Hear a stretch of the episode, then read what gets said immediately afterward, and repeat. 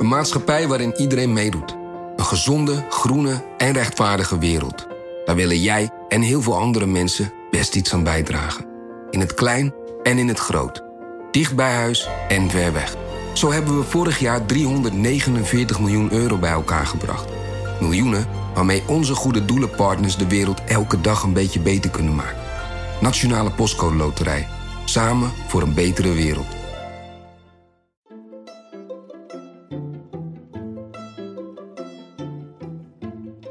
Welkom. Wij zijn Onbehaarde Apen. Dit is een podcast van NRC over wetenschap. Ik ben blij dat mijn ziekte ALS bij mij mijn denken niet aantast. Doordat ik kan horen en zien, kan ik gelukkig communiceren. Doordat ik niet kan bewegen en ademen, ben ik volledig afhankelijk. Het zal misschien gek klinken, maar dat went. Wat nooit went en waar ik iedere dag verdriet van heb, is dat ik niet kan praten, eten en drinken. Week in, week uit zitten we hier bij Onbehaarde Apen te praten, te praten, te praten. En nooit staan we er eigenlijk bij stil hoe bijzonder het is dat het eigenlijk helemaal vanzelf gaat. En hier hoorde je Hanneke de Bruyne, de eerste persoon ter wereld die thuis met behulp van haar brein een spraakcomputer kan aansturen. Want de Bruyne die heeft ALS en daardoor kan ze haar spieren niet meer gebruiken en ook niet meer praten. Uh, die hersenimplantaten, dat is waar we het vandaag over gaan hebben. Uh, aan tafel zitten we hier met Hendrik Spiering, redacteur menselijk gedrag. En ook met medisch redacteur Nicky Korteweg, en auteur van Een Beter Brein. Nicky, wat, wat zijn hersenimplantaten nou eigenlijk? Ja, dat zijn kleine elektronische apparaatjes of uh, sensortjes die je in of op het brein prikt. En die dan de signalen van je hersenen vertalen in een, in een commando voor een computer. En die computer kan je dan van alles laten doen. Er zijn implantaten waar je een rolstoel mee kan besturen, maar er zijn dus ook implantaten waarmee je een spellingscomputer kunt aansturen. Ja, want als we even specifiek naar die spraakcomputer kijken. Uh, Hanneke de Bruyne die heeft sinds 2016 een elektrode in haar hersenen. En die is dan weer verbonden aan, aan die spraakcomputer. Jij bent laatst ook bij haar geweest. Hoe, hoe was dat? Ja, ik heb haar bezocht inderdaad, omdat ik heel graag wilde zien hoe dat nou gaat met een, communiceren met zo'n spraakcomputer. En ik ben echt diep onder de indruk geraakt van Hanneke de Bruyne zelf en van die technologie die, daar, uh, die zij gebruikt. Um, toen ik binnenkwam in de kamer, uh, toen zag ik haar. Zij zit in een rolstoel, ze kan niet bewegen. Dus ik ben voor haar gaan staan. Ze kan haar ogen ook, ze kan haar ogen nog wel bewegen, maar ze, ze kijkt meestal recht vooruit. Dus ik ben in haar beeld gaan staan en ik heb me voorgesteld. En zij kan haar spieren niet bewegen, dus je krijgt geen reactie. En ja, je, je vraagt je dan op zo'n moment af, ja, kan ze me horen? Begrijpt ze wat ik zeg? Dan merk je pas hoe, hoeveel signalen je krijgt van uh, iemand in een, in een gesprek. En um, terwijl ik daar was, heb ik met haar gesproken. Uh, en zij spreekt met behulp van haar verpleger of verpleegster die erbij is. Uh, maar ook met behulp van haar computer. En dankzij die technologie krijg je dan een beeld van wie zij eigenlijk is.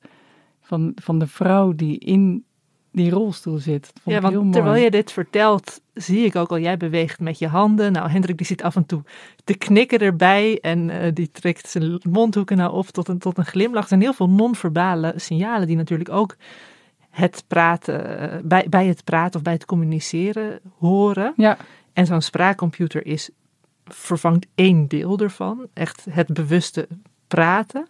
Uh, maar, maar toen we haar net hoorden praten, was het best wel een vloeiend geheel. Het, was een, uh, uh, het waren, waren, meerdere zinnen achter elkaar. Ja. Ging, ging, dat ook daadwerkelijk zo, jullie gesprek? Nee, zo ging dat niet. Die zinnen die heeft ze van tevoren waarschijnlijk geschreven. En die, die kun je dan een computer laten uitspreken. Maar als je daar ter plekke een gesprek met haar wil voeren, dan wat er, wat er gebeurt in die computer, zie je een rij letters en de cursor die gaat al die letters af. En als je dan een woord wil spellen, hallo bijvoorbeeld, dan moet je eerst wachten tot die cursor bij de H is en dan kun je een, een klik geven met, met je breinimplantaat. Daar komen we zo op hoe dat werkt. Uh, en dan heb je de H geselecteerd. Dan moet je weer wachten tot de A komt. Dan moet je wachten tot de L komt. Nou, dan een slimme computer kan dan nog suggereren, bedoel je misschien hallo? En dan kan je daarop klikken en dan heb je pas het woord gezegd. Dat is wel natuurlijk verschrikkelijk dat je dan als ALS-patiënt ook totaal slachtoffer van de autocorrector-duivel kan worden. Dat je Ja. dan iets anders hebt dan Ja. wat er eh, staat. Ja, dan moet je vervolgens weer naar de backspace. Of dan, eh, Ja, moet je weer wachten tot hij naar de backspace is. Ja, dus dat is echt een enorme beproeving. Alleen daarom al is mijn respect enorm. Dus voor de goede orde, het is dus niet zo wat, wat, eh, wat je misschien oppervlakkig, als je het zo hoort, zou denken. Dat dat dat, dat, dat, eh, dat, dat breinimplantaat de commando's overbrengt zoals ons eigen lichaam ge- gehoorzaamt aan, aan ons brein. Ik bedoel, ik zeg nu iets en dat gaat allemaal in één vloeiende beweging eh, diep in mijn onderbewust. ja, je denkt niet eens van ik ga dit nu zeggen. Nee. Je zegt het gewoon. Je hebt een bepaalde betekenis en hup, daar ga je. Ja, nee, dat kun je Het dus allemaal niet. letter voor letter. Het Letter, is voor- dus het is echt- een spellingscomputer, ja. je- en zij heeft wel ook knoppen, hè, bijvoorbeeld hallo, daar is ook een één knop voor, omdat je dat ja, woorden vaak die je vaak gebruikt. Dus dat ja. gebeurde ook inderdaad toen ik daar net was. Toen sprak de computer hallo. En dat, ja, dat, ik merkte dat het mij echt wat deed toen. Dat, er, er werd iets naar mij gericht. Ja, Ja. want zij, is, zij heeft ALS. Ja. Er zijn in Nederland volgens mij iets van 1500 patiënten Ja. met ALS. Ja, En het is natuurlijk een, een, een ziekte die de zenuwcellen aantast en daarmee ook de spieren. Maar de bruine is de enige die dit implantaat heeft, heeft gekregen. Is dat zo? Hebben niet alle ALS-patiënten waarschijnlijk eh, überhaupt een spraakcomputer nodig? Ik bedoel, niet bij niet, laat ik Ja. het zo zeggen, niet bij iedereen wordt, wordt het spraakvermogen aangetast. Eh, nou, uiteindelijk is dat wel eh, wat verloren gaat. Eh, bij ALS eh, zijn, sterven de zenuwen af die spieren aansturen. En ja, voor spraak heb je ook spieren nodig. Dus uiteindelijk gaat dat verloren. Ehm, maar Hanneke de Bruin is inderdaad de enige in de hele wereld zelfs die, die dit systeem thuis kan gebruiken, al jarenlang. Ja, want normaal wordt het in het lab wel gedaan, maar Ja, er zijn wel experimenten in het lab met patiënten, maar die, die hebben ook elektroden in hun hoofd. Eh, maar die, worden, die moeten dan naar het lab toe gaan en daar wordt dan de versterker aangeschroefd en het wordt verbonden met de computer met heel veel draden. En eh, daar kunnen ze allerlei heel geavanceerde dingen al doen. Eh, maar dat kan niet thuis. Er moet wel een onderzoeker bij zijn om de boel te, in te stellen en om, om de hand op de noodknop te houden. Voor als, als iemand een robotarm bestuurt, dan, dan kan die ook ja, per ongeluk in je gezicht slaan. Dus er moet altijd iemand bij de noodknop staan. Want hoe was zij drie jaar geleden toen ze dat implantaat kreeg? Kon ze toen nog wel praten? Kon ze toen nog eh, meer bewegen? Of? Ja, zij kon toen nog wel eh, met, met haar ogen knipperen en ze kon een heel klein beetje praten. Ehm, ja, door, door lucht. Eh, ze heeft een beademingsapparaat ook al. Ehm, maar ja, met een bepaalde techniek kon ze daar dan nog wel woorden mee vormen. Maar dat is eigenlijk vrij snel na, deze, na dit implantaat verloren gegaan. Maar ze heeft zichzelf dus eigenlijk aangeboden als, als proefpersoon. Ja, ja, precies. Ze begon er eigenlijk mee gewoon omdat ze als proefpersoon mee wilde doen. Eh, en als proefpersoon is het natuurlijk handig dat diegene ook nog kan communiceren op een andere manier. Dus zij kon nog met haar ogen knipperen. En eh, dat is ook de reden waarom, veel, waarom niet alle ALS-patiënten dit nodig hebben. Als je ook nog maar een spiertje kunt bewegen in je gezicht of in je oog of, of, eh, of je handen, dan eh, kan je daarmee natuurlijk een computer mee eh, besturen. Ja, Hawking is natuurlijk de bekendste voorbeeld. Die, heeft tot het, ja, die was natuurlijk ook zwaar verlamd. Die had geloof ik één spiertje in zijn gezicht nog. Ja, die kon met, met zijn Ja. eh, gezichtsspieren op die manier de computer aansturen. Dus dat, het was ook bediening van een spraakcomputer, maar dan niet zoals nu echt vanuit je brein. Want jij zei net al even dat je, je moet denken aan, aan, aan een... eh, Je gaat de letters langs en vervolgens duw je er als het ware op. Ja, maak je een muisklik. Dat is, ze heeft eigenlijk een, een, een soort muisklik manier gekregen in haar hoofd. En Dus ze kijkt naar een scherm. Ziet een scherm voor zich. ja, je kijkt naar een scherm en ehm, een eh, chirurg heeft op haar brein, bovenop het gebied wat haar handen bestuurt, eh, sensoren gelegd. En op het moment dat zij in gedachten de beweging maakt waarbij ze haar ringvinger naar haar duim brengt, dus zo'n Ja, ik doe, ga het zelf meteen ja, ook ik, even ik doen. doe het ook ja. altijd als ik het uitleg. Dan, ehm, dat is de muisklik, zeg maar. Die beweging, als je daaraan denkt, dan is het klik. Die activiteit, die registreert die sensor die op haar brein ligt. Maar ik Dus- doe nu mijn ogen dicht en ik probeer te denken dat ik met mijn duim op mijn, eh, mijn ringvinger is het, hè? Of mijn wijsvinger. Een ringvinger Ja. naar je duim. Dat ik met mijn ringvinger op mijn duim duw. Maar dat, het is nog best wel moeilijk om dat alleen maar te visualiseren. En er dan ook toch... Nee, maar je, kunt het, je moet het juist gewoon De doen. beweging is het. Je moet er niet aan denken, je moet het doen. Ja, maar zij kan dat niet meer. Jawel, ze Ja. kan het dus wel, want het brein kan dat wel. Het is een soort Nou ja, dat is, wel, fantoombeweging dat is eigenlijk. wel interessant, want dat, ze, zij is de allereerste die dit doet ter wereld, dus dat wisten ze ook eigenlijk helemaal niet. Of dat hè, als de besturing van je spieren verloren gaat, of je dan dat nog wel mentaal kunt blijven doen, bijvoorbeeld. Ja, dat is een van de onderzoeksvragen, of je dat niet verleert, of die, of die hersencellen er misschien mee ophouden. Dat is allemaal onbekend, dus zij is echt een pionier. Ehm, ja, samen met, natuurlijk met die onderzoekers uit eh, het UMC Utrecht die dit eh, gedaan hebben. Ja, want hoe bijzonder is dat? Want ik, ik, ik denk, ja, je kan al die draden toch, het is allemaal niet eh, zo prettig natuurlijk, maar je kan toch al die computerdraden toch ook wel thuis eh, installeren dan? Waarom is het zo moeilijk om zoiets thuis te doen en niet dat je dan één uurtje per week eh, voor onderzoek het lab ingaat? Ja, ehm, in dit geval, die elektrode die zij heeft, die is vrij simpel. Zij heeft eigenlijk alleen een aan-uit-knop, zeg maar, in haar brein. Een ja-nee-knop of een, een muisklik-knop.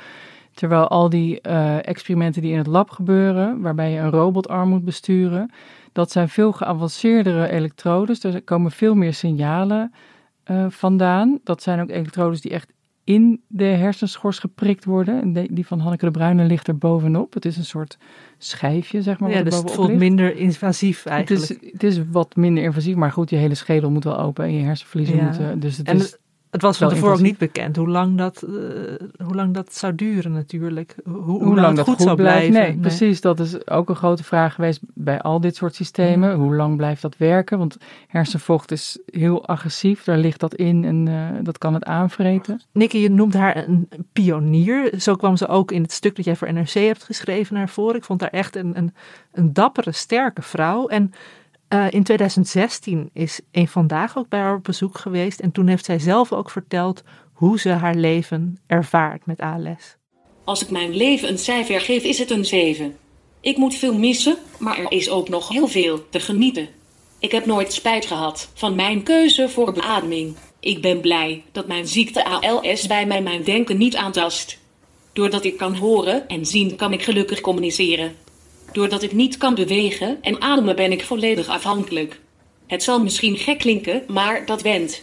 Wat nooit went en waar ik iedere dag verdriet van heb is dat ik niet kan praten, eten en drinken. Wat een prachtige tekst zeg. En dat ze dan ook zegt dat zij leven toch een 7 geeft. Je noemt haar een dappere vrouw. Nou, dat, eh, dat is wel volkomen terecht, ja. Ja, maar dat is ook.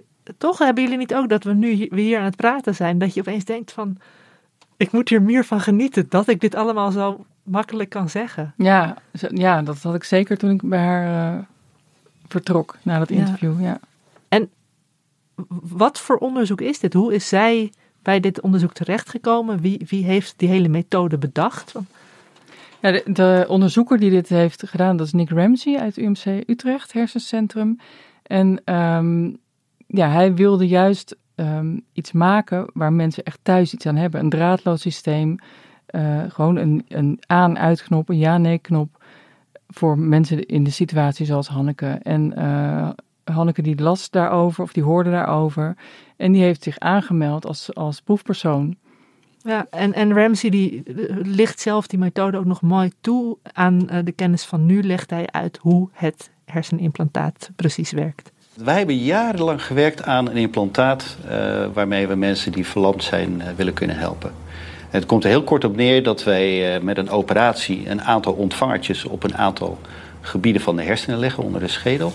En die luisteren naar de activiteit van de hersenen. Op het moment dat de gebruiker dan eh, bijvoorbeeld eh, een rekensommetje maakt, eh, 44 min eh, 16, dan zien wij een verhoogde activiteit op dat specifieke terugtelgebiedje. Daar ligt onze ontvanger op, die pikt dat op en die ziet de verhoogde activiteit. En daarmee kan de gebruiker naar de buitenwereld iets kenbaar maken. Dan moet je ook goed zijn in hoofdrekenen. Ik zat de hele tijd 34 min 16, 34 min 16. Voordat je dan weet dat het 28, 28 nee, 16. 18, nou goed. 18 volgens mij. Ja, dat, maar ik bedoel, dan kun je heel makkelijk fouten maken. En het duurt ook heel lang. Ja, Maar ja, volgens mij maakt het niet uit of het antwoord goed is. Het gaat erom dat je rekengebied dan actief wordt. Maar de- ja, dit, waar, wat Nick Ramsey hier uitlegt, daar hebben ze dus de sensor op het rekengebied neergelegd. Uh, maar bij Hanneke de Bruyne hebben ze het op haar handbewegingen hersengebied neergelegd. Ja, want waarom mocht zij zelf kiezen? Zei ze van nee, ik hou niet zo van hoofdrekenen, uh, doe het op een andere plek? Wat?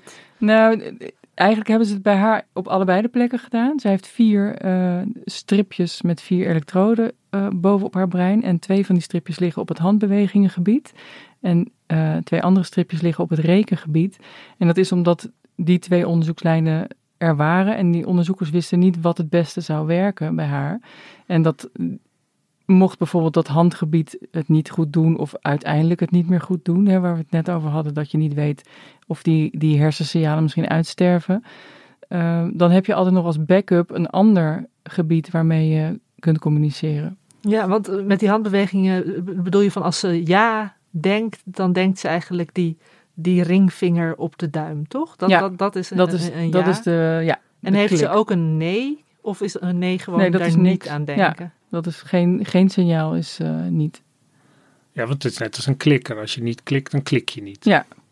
Maar het is dus wel interessant dat jij nu uh, zegt van als je ja denkt, dan denk je dus die hand. Ja, hoe werkt het in het brein van deze vrouw? Uh, denkt ze nog altijd aan die, aan, die, aan die vingerbeweging? Of is het voor haar zo normaal geworden dat, dat ze gewoon aan dat klikkertje denkt en dan automatisch die beweging maakt natuurlijk? Nou ja, zij liet mij weten dat, dat ze inderdaad, nog, ze maakt die beweging en voor haar, haar handen liggen natuurlijk roerloos op haar schoot, want ze, ze kan nu eenmaal niet bewegen. Maar voor haar, in haar beleving, beweegt die hand wel, maakt ze daadwerkelijk die beweging. Oh, dus kan ze ook een soort uh, mentale spierpijn of zo dan ervaren? Nee, ja, nee, maar als Ja. je heel vaak op een dag ja zegt, uh, kan ik me voorstellen dat dat best intens Nou, is. ja, dat hoorde ik later van een onderzoeker, dat zij ook wel eens heeft gezegd dat ze een soort kramp Echt waar, joh. ja, Ja. ervaarde. Ja.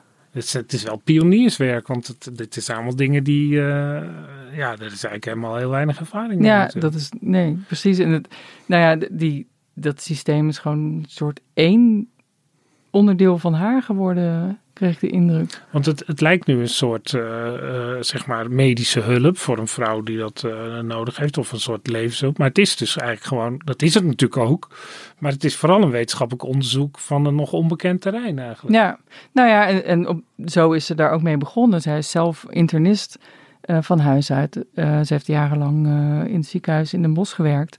En zij weet dus ook wat het belang is van wetenschappelijk onderzoek. Dus dat is, was, was eigenlijk de reden waarom ze zich aanmeldde. Maar nu, vier jaar later, zit dat nog steeds in haar hoofd en werkt het zo goed. En is ze er eigenlijk heel erg blij mee, want ze, ondertussen kan ze haar ogen, oogspieren ook niet meer bewegen. Ze kan nog een mondhoek bewegen. Dus daarmee Dus kan dit ze, is echt haar middel van communicatie? uiteindelijk wordt dit steeds meer haar, haar middel van communicatie, ja. Maar de mensen, als je naar de, de, de science fiction series op televisie of uh, science fiction boeken, uh, dan is zeg maar, dan heb je gewoon live verbinding met internet via je hoofd. Maar Hmm. dit is dus de werkelijkheid. Dat dus absoluut aan de front van de wetenschap is dus een vrouw die kan ja klikken. Ja, En dat precies. is Ja, dan. dit is wat we kunnen nu. Ja, kli- ja en nee klikken. Ja, maar ja klikken en daarmee wel ook echt volzinnen maken en, en gesprekken voeren. Dat, Ja, maar die gesprekken ter plekke, er zit een enorme uh, vertraging in. Omdat ja. Maar ze die- zou wel zelf e-mails kunnen sturen of zo ook bijvoorbeeld. Of, je, nou, ze vertelt dat ze die wel leest en WhatsApp, maar ze schrijft niet. nee, dat is ook te veel of te, te, te lang. Dat ja. denk ik, ja. Ja. En, en we hadden het aan het begin ook al even, want we hebben het nu steeds over die spraakcomputer, maar er zijn natuurlijk ook andere vormen van breinbesturing. Uh, je zei ook al van je kunt rolstoelen ermee aansturen. En wat, wat is er op dat gebied, wordt er op dit moment nog meer voor onderzoek gedaan? Ja, nou, wat, wat ik zei, Hanneke is de enige die dit thuis heeft met zo'n heel eenvoudig uh, sensor op haar brein. Maar in de laboratoria zijn, nou, ik denk een stuk of twintig mensen wereldwijd die een, uh, die een elektrode in hun brein hebben, die, die echt erin prikt, die contact maakt met hersencellen erin. En dat zijn eigenlijk een soort hele kleine spijkerbedjes, noem ik het altijd oh, maar. Dat is Gewoon een, een stuk minder prettig. Ja, het is heel klein hoor. Dat past op, op je duimnagel, uh, op een fractie ervan. Uh, maar dat zijn hele kleine spijkerbedjes met honderd, nou, haardunne elektrodes die je dan, ja, nou, Ja, die bijna erop net erin kunt Specifiek één eh, zenuwcel eh, aanprikken en dan de elektrische activiteit meten? Of, Nou, die me- elke afzonderlijke haardunne elektrode, die meet dan wel, nou, ik denk dat nog steeds eh, 10.000, eh, oh, oké. wel veel. Nee, niet 10.000, misschien 1000. Ja, ja. Maar Want- niet één, het is niet één op één. En dat, die, die sensor die bij Hanneke de Bruyne zit, die, die meet gewoon op afstand het elektrische veld wat Ja. wordt opgeroepen. Ja, gewoon de elektriciteit, de activiteit in het gebiedje daaronder. Ja, zoals ja. een EEG dat ook doet. eh. Ja, zo'n EEG, zo'n badmuts met al die elektrodes die je dan van buiten op je brein kunt doen. eh, daar lijkt het eigenlijk op. Maar dat, is, dat ligt zo ver van het brein af dat het niet gevoelig genoeg is. Dus het is eigenlijk zo'n heel klein stukje badmuts, maar dan onder je schedel. Ja. En, en dat spijkerbedje, wat, wat kun je daarmee? In plaats van Ja, alleen dat- ja, nee zeggen. Dat is wel veel gevoeliger. Dat, dat kun je bijvoorbeeld implanteren op het gebied dat je arm aanstuurt. Eh, en dan kan iemand worden getraind om daarmee een robotarm te besturen. En eh, ja, dat, dat is echt al best ver, dat onderzoek. Er is iemand die heeft twee van dat soort elektrodes in haar brein. En dus ook twee eh, versterkers die er dan bovenop geschroefd moeten worden. Nou, dat zijn echt doosjes zo groot als een, een, nou, een doosje waar een lamp in zit bijvoorbeeld. Een, een gloeilamp vroeger. Dus twee van die doses worden dan op haar schedel geschroefd. En daar zitten dan hele dikke kabels aan die naar een computer gaan. En die computer die bestuurt dan weer de robotarm. Maar op die manier kan, kan iemand dus bijvoorbeeld een robotarm zo besturen dat ze iets kan pakken. Een kop koffie of, of iets te eten en dat naar haar mond brengen. Ja, maar want- waar- waarom moeten het van die dikke kabels zijn eigenlijk? Ja, omdat het heel veel signalen zijn die allemaal eh, afgelezen moeten worden en allemaal eh, Ja, gebruikt ja. moeten worden. Ja, maar het is wel het resultaat wat je daarmee kunt bereiken. Want ja, jij noemt net het voorbeeld van iemand die echt iets eh, kan doen met haar robotarmen. En er is een heel mooi filmpje van Jen Scheuerman. En zij kan via een implantaat in haar hersenen haar robotarm ook echt besturen. En daarmee iets bereiken dat ze al geen jaren niet meer heeft kunnen doen. Today I accomplished a goal that I set before the surgery even took place. Um, they were asking if there was something special I wanted to do, like touch my children's cheek or hold my husband's hand, and I said, My goal is to feed myself chocolate. And I did that today. De kracht van dromen. Wel mooi dat je dan Ja, het is heel mooi. Op dat filmpje zie je er echt gewoon een, een hap van een chocoladereep nemen. Die die robotarm dan eerst naar haar mond heeft gebracht. Die zij zelf met haar robotarm naar haar mond heeft gebracht. Zo moet ik het zeggen. Ja, dus echt met de kracht van haar brein heeft ze zichzelf chocolade gevoerd. Ja, maar je ziet Ja. ook een enorme toeter van, van blik, zo te zien, achter op haar hoofd zitten, waar dan al die kabels... Ja, eh, ja een eh, enorme apparatuur. Dus dat, dat kun je niet Zie je dan de hele tijd heen en weer gaan Ja. als ze met haar hoofd schudt. Ja. Maar zij kan dus nog praten, maar mist de besturing van... Of heeft eigenlijk helemaal geen hand. Jawel, zij, heeft wel, zij is verlamd vanaf de nek. Oh, ook- ook dat eh, was het, door een ziekte, geloof ik. Ja. En we hebben nu dus eigenlijk die elektroden op je brein. We hebben nou ja die, die, die grote blokken van buitenop. En we hebben dat spijkerbedje waar je het over had. Ik bedoel, zijn dat alle breinimplantaten? Nou, die grote blokken, die horen bij het spijkerbedje. Oh, die zeg maar. horen. Je hebt het je- spijkerbedje. Je kunt geen spijkerbedje zonder Nee, grote blokken. Dus je hebt eigenlijk nu twee smaken, zeg maar. De, de, simpele elektrodes van Hanneke de Bruyne, die draadloos met een, met een onder de huid weggewerkt dun draadje eh, een computer aan kunnen sturen. Ehm, en je hebt die spijkerbedjes die met van die dikke kabels naar computers moeten gaan in het laboratorium. En eh, ja, dat zijn eigenlijk de twee smaken. Nou goed, grofweg. Je hebt vroeger wel eens geschreven over een echte chip die geïmplanteerd werd bij iemand. En waarin dan met een soort eh, zenuwcelgroeimiddel zenuwcellen ingroeiden. Ja, nou dat klopt. Je had vroeger, toen het onderzoek nog jong was, waren er wel meer systemen. Ehm, en dit is een systeem van eh Phil Kennedy, Philip Kennedy, een Oh, dat- Dat is zo'n glazen, glazen buisje met drie gouden draadjes en groeistoffen inderdaad erin. Het heeft me en- altijd zo gefascineerd. Ja, en die implanteer je dan en dan groeien daar hersencellen Ja. in en dan Kom kon je daar jongens. het signaal mee afmeten. En die, ja, die, die ontwikkelingen liepen allemaal naast elkaar, maar dat is eigenlijk net als met, met eh, VHS en Betamax vroeger, eh, videobanden. Vroeger had je Ik zat, heel lang ik zat heel, Ja, heel lang lang geleden te graven. Wat was het? Kom ik dom over als ik nu vraag wat het ook alweer was? Ik wou net, net vragen, ken jij dat? Maar Hendrik weet precies wat ik bedoel. Videobanden, nou, dat zijn dingen waar je vroeger mee... eh, ja, Ja, soort net. hele grote plastic Ja, ja, ja, nu, eh, is weer helemaal goed in mijn geheugen. Je Ja, had twee soorten en Betamax was eigenlijk beter, maar op een gegeven moment koos de industrie, of ik weet niet hoe Nou, het gerucht gaat is koos dat voor VHS. de porno-industrie kost voor VHS. Oh ja, dat, ja, dat, en dat eh, heeft, is eh, dat vaak was de motor achter de ontwikkeling. Goed, Ja. we zijn nu van spijkerbedjes bij de porno-industrie gekomen. Maar Eh, goed, maar- Exit Betamax, Ja. zeg maar, het systeem koos VHS. Ja, Eh, en dat is hier eigenlijk ook het geval. Eh, er is gekozen voor die spijkerbedjes, de BrainGate eh, Array heet dat. En die glazen elektroden, ja, die, die worden gewoon niet meer gefinancierd. Dus die man, Philip Kennedy, die was daar behoorlijk gefrustreerd zijn over. levenswerk. Ja, is. 30 jaar onderzoek de prullenbak Maar in. nou suggereer je dat die beter was. Want Betamax was superieur. Dat wordt nog altijd bij de, werd nog bij de televisie nog gebruikt altijd. Maar waar was dat systeem beter? Of weet je dat niet? Nou, net, dat weet ik niet. Dat, eh, Dat dat, zal Kennedy eh, natuurlijk ja. wel zeggen en eh, waarschijnlijk de anderen niet. Ja, er zullen echt wel goede redenen zijn waarom ze voor die andere hebben gekozen. Ehm, Maar het hoeft niet. Misschien waren ze goedkoper. Ja, ik weet niet precies Ja. wat, er, wat daarachter Maar zat. Kennedy die heeft zijn gouden draadjes in de vuilnisbak gegooid. Nee, Kennedy die heeft als een spaargeld opgenomen eh, een paar jaar geleden. En die is naar Belize gegaan met zijn elektrodes.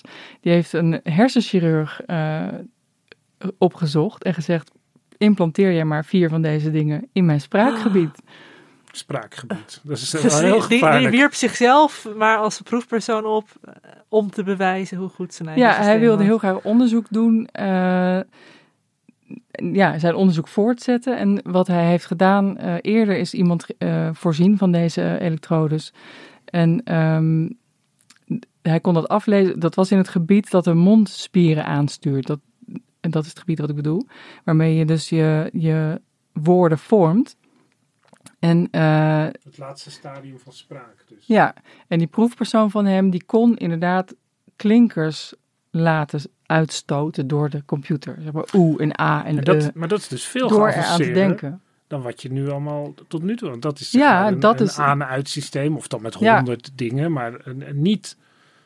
eh, ja, het lijkt dan op die robotarm natuurlijk. Want dan, Ja. die, die robotarm, die, daar hoef je ook niet eerst letters in te Nee, dan toetsen denk je aan Nee, dan die- denk je aan de beweging en die doe doet het ook. Ja, Ja, en, En hier dat is denk dan ook dus het- aan, aan letters of klanken en die, die spreek je dan, of die spreekt de computer voor jou uit. nou dat is het ultieme doel. Dat je gewoon mentaal bedenkt dat je een woord zegt, boom. En dat dan de computer op basis van de, de activiteit, hè, de hersenactiviteit die de spieren aanstuurt, die jouw boom laten zeggen, dat dan de computer boom zegt. Dat is ook eigenlijk helemaal niet zo'n gekke gedachte. Want als je ervoor kan zorgen dat je chocola netjes bij je gezicht brengt. Dat klinkt heel makkelijk, maar het is best complex. Ja. Dat je dat niet gelijk in je oog steekt Ja. of zo. Dan zou je ook die, die, eh, die lippen en... eh, Ja, dat je eigenlijk je hersenen gewoon eh, het, het commando doen. Het was vroeger altijd mijn droom dat al mijn gedachten zouden kunnen worden uitgeprint. Maar ja, dat is natuurlijk veel te veel papierverspilling. lijkt mij. Dat, ja, maar niet dat- jouw gedachten specifiek hoor. ja, ik denk dat je heel benieuwd zou zijn. Nee, maar dat ik mijn gedachten dus nu in het ideale geval iets zou kunnen denken en dat het op de computer zou verschijnen. Of zelfs door de computer Ja. zou worden uitgesproken. Ideaal. zou Dat ik gewoon Zo mijn, ook in mijn lippen niet hoef te bewegen, maar dat ik gewoon toch met jullie een podcast kan Ja. opnemen. Ja, Dat, eh, nou ja, dat is dan niet het doel, maar hier is het dan het doel dat je in elk geval nog wel de woorden uitspreekt in gedachten en dat dan de computer het zegt. Ja, maar en, en, en is dat inderdaad science fiction, zoals Hendrik zegt? Of is daar ook al, wordt daar ook al onderzoek naar gedaan? Nou ja, daar wordt dus onderzoek naar gedaan. Die Phil Kennedy, eh, die heeft dat bij zichzelf gedaan Ja. en die heeft daar allerlei metingen aan gedaan. Is, Inmiddels- zit dat nog steeds in zijn N- hoofd? Nou, de vier elektroden nog wel. Want die, die zitten te diep. Dat is, dat is te gevaarlijk om dat er, eruit te halen. Maar eh, je hebt natuurlijk ook de eh, versterker nodig en al dat soort apparatuur. En dat is er wel weer uitgehaald. Waarom eigenlijk? Want hoe ging dat dan? Met Nou- want dan ga je naar Belize met je koffer. Ik vind het wel raar. eh, En zonder assistent mee, gewoon... eh, Ja, dat ja, vertelde geld niet. meer voor een assistent. Ik heb, hem, ik heb hem gesproken, dat heb ik niet gehoord. Maar eh, ik heb wel, hij vertelde wel dat hij ehm, aanvankelijk, toen hij wakker werd, kon hij niet meer spreken. Dan denk je ook, jongen, jongen. Ja, dat is natuurlijk wel een risico van zo'n operatie. En eh, dat kwam door zwelling in, eh, in dat brein, door de operatie. En dat is gelukkig dan wel weer overgegaan. Toen kon hij het ook weer wel. Hij kon zowel nog echt spreken als... eh, Ja, of- Ja, ja, dus toen is hij naar huis gegaan. Toen heeft hij drie weken lang, geloof ik, allerlei dingen getest, ge- recordings gemaakt van eh, terwijl hij woorden zei en dat soort dingen.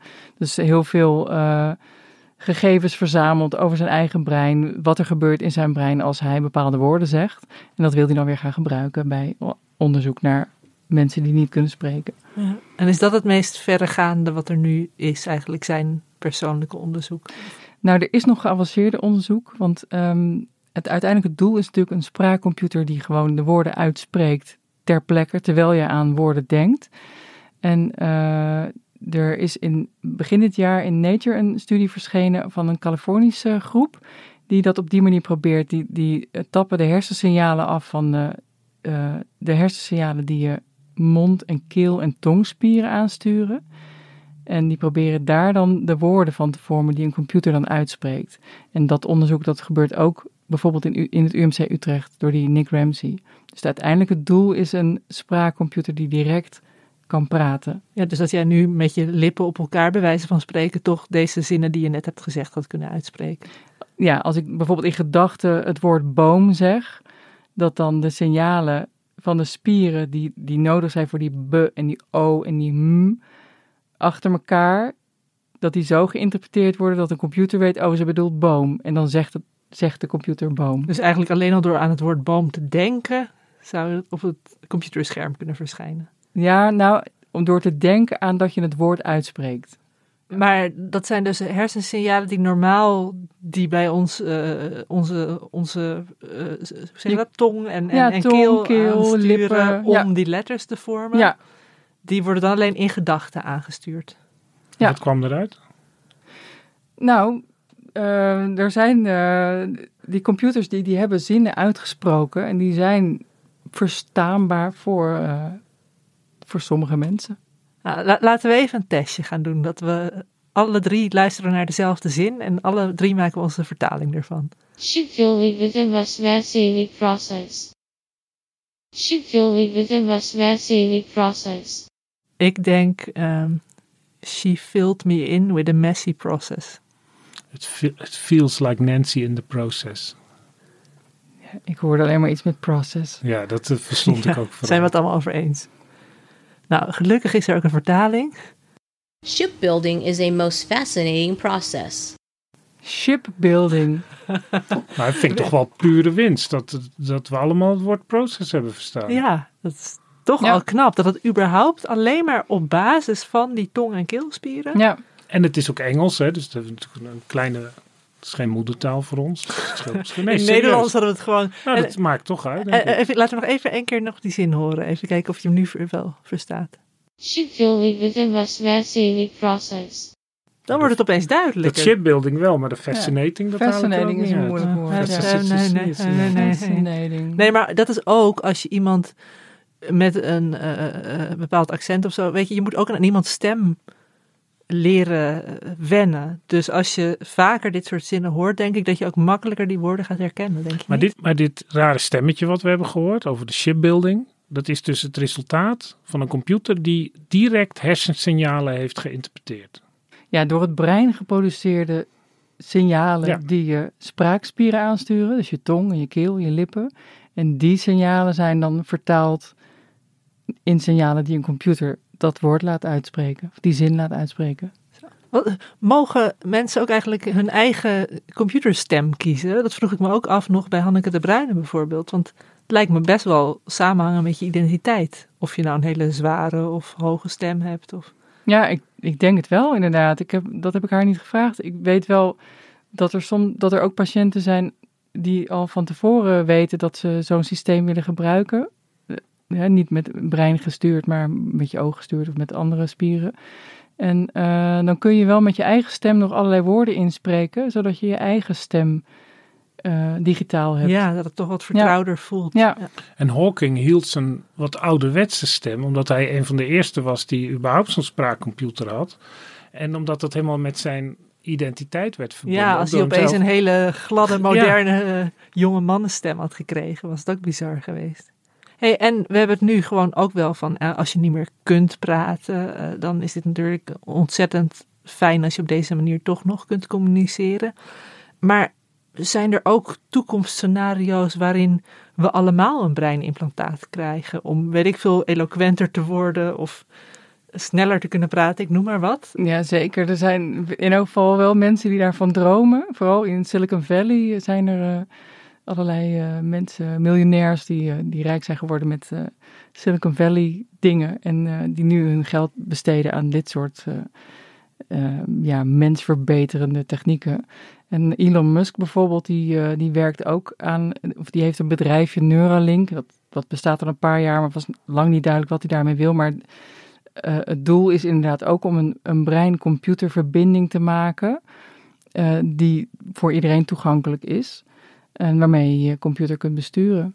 Zou je dat zelf willen? Zou je net als Phil Kennedy gewoon uh, naar Belize of waar dan ook gaan en iets in je hoofd willen laten implanteren? Ik zou dat nu zeker niet doen. Nee, daar, daar zou ik dat veel te riskant voor vinden. Maar als ik een ziekte krijg waarbij dat nodig is, dan zou ik me wel aanmelden als proefpersoon, ja. Ja. Dat, uh, zeker, bij deze. Ja, nou ja, ik droomde er zelf dus vroeger al van om, uh, om mijn gedachten ergens op te slaan. Ik hou nu elke dag mijn dagboek bij. Dat is toch elke dag wel weer flink wat schrijfwerk. Dus wie weet. Jij, Hendrik? Uh, nee, maar ik ben, ook, ik ben ook wel erg gefascineerd door wat je dan precies gaat communiceren. Want als ik Elon Musk een beetje ken, dan is het dat je dus met de eh, met je gedachtekracht uh, toegang uh, tot Wikipedia gaat krijgen en daar dan alles lezen. En je opdrachten zo geeft, of je de computer of je je auto zo bestuurt, of als, als, als brein naar Mars gaat. Maar wat nu, het is niet voor niks natuurlijk dat ze precies de spieren aan prikken voor, dat, voor die stembesturing. Want dat, ja, dat is het eindresultaat. Maar wat er allemaal diep in dat brein aan gedachten is je hebt zoveel gedachten tegelijkertijd. Ja. Je kunt eigenlijk alleen maar op de output van het brein, dus echt spierbesturing, daar kun je een, een eindproduct aflezen. Ja, als je geluk hebt, in, geluk hebt inderdaad, want dat, dat, dat is, al heel moeilijk. Maar, maar alles wat daarvoor zit, ja, dat zit zo verspreid door je brein. En, en dat is zo onduidelijk waar dat dan zit en hoe dat gevormd wordt. Dat is... Dus het is niet dat we binnenkort, zoals we nu Siri op onze telefoon hebben of zo, dat we met ons Nee, ook want de andere kant op. Hoe kun je uh, want in, zelfs in, in, in, science fiction series is het vaak via een lens op je oog dat je dan daarop afleest uh, wat het antwoord op de vraag is of zo. Maar hoe kun je ooit een, een, een zenuwcellen die dan gevoed worden door signalen van een computer en dan ineens denk je, oh ja, het antwoord is 34. Nou, het was wel handig voor die podcast geweest dat ik niet steeds als een slechte hoofdrekenaar overkom, maar dat ik even snel kan opzoeken. Ja, wat, maar hoe, hoe, wat voor ja, is dat dan MS-DOS of uh, Windows? of ja, wat voor uh, de ASCII-tabel? Uh, het is ondenkbaar nog. Ja. Ja, nou, echt ondenkbaar. Ook wel geruststellend misschien. Gewoon tegelijkertijd, wat je zegt, is het voor medische doeleinden natuurlijk een hele mooie techniek. En um, ja, ik denk dat we daarmee alweer aan de aan het einde zijn gekomen van deze aflevering van de podcast. Nu we deze podcast als een soort breinimplantaat bij jullie allemaal in jullie hersenen hebben laten rondzingen, dan wil ik jullie weer heel graag bedanken voor het luisteren. Wij waren Onbehaarde Apen. Dank jullie wel, Hendrik Spiering en Nicky Korteweg. Dank je ook, Misha Melita, voor de uh, productie. En uh, mijn naam was Gemma Venhuizen. Lucas is nog steeds ergens op zijn roze wolk. Uh, volgende week zijn wij er weer. Zelfde tijd, zelfde plek. En als je het nog niet gedaan hebt, abonneer je dan nu eindelijk, eindelijk, eindelijk eens op onze wekelijkse podcast. En uh, volg ons op Twitter, et cetera, et cetera. Tot de volgende keer.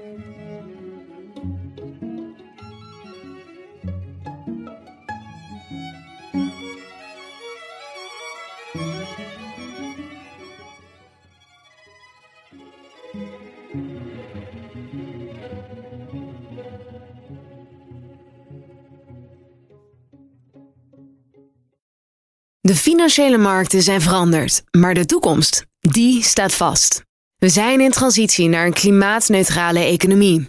Dit biedt een van de grootste investeringskansen van onze generatie. Een kans voor u om mee te groeien met de pioniers van morgen.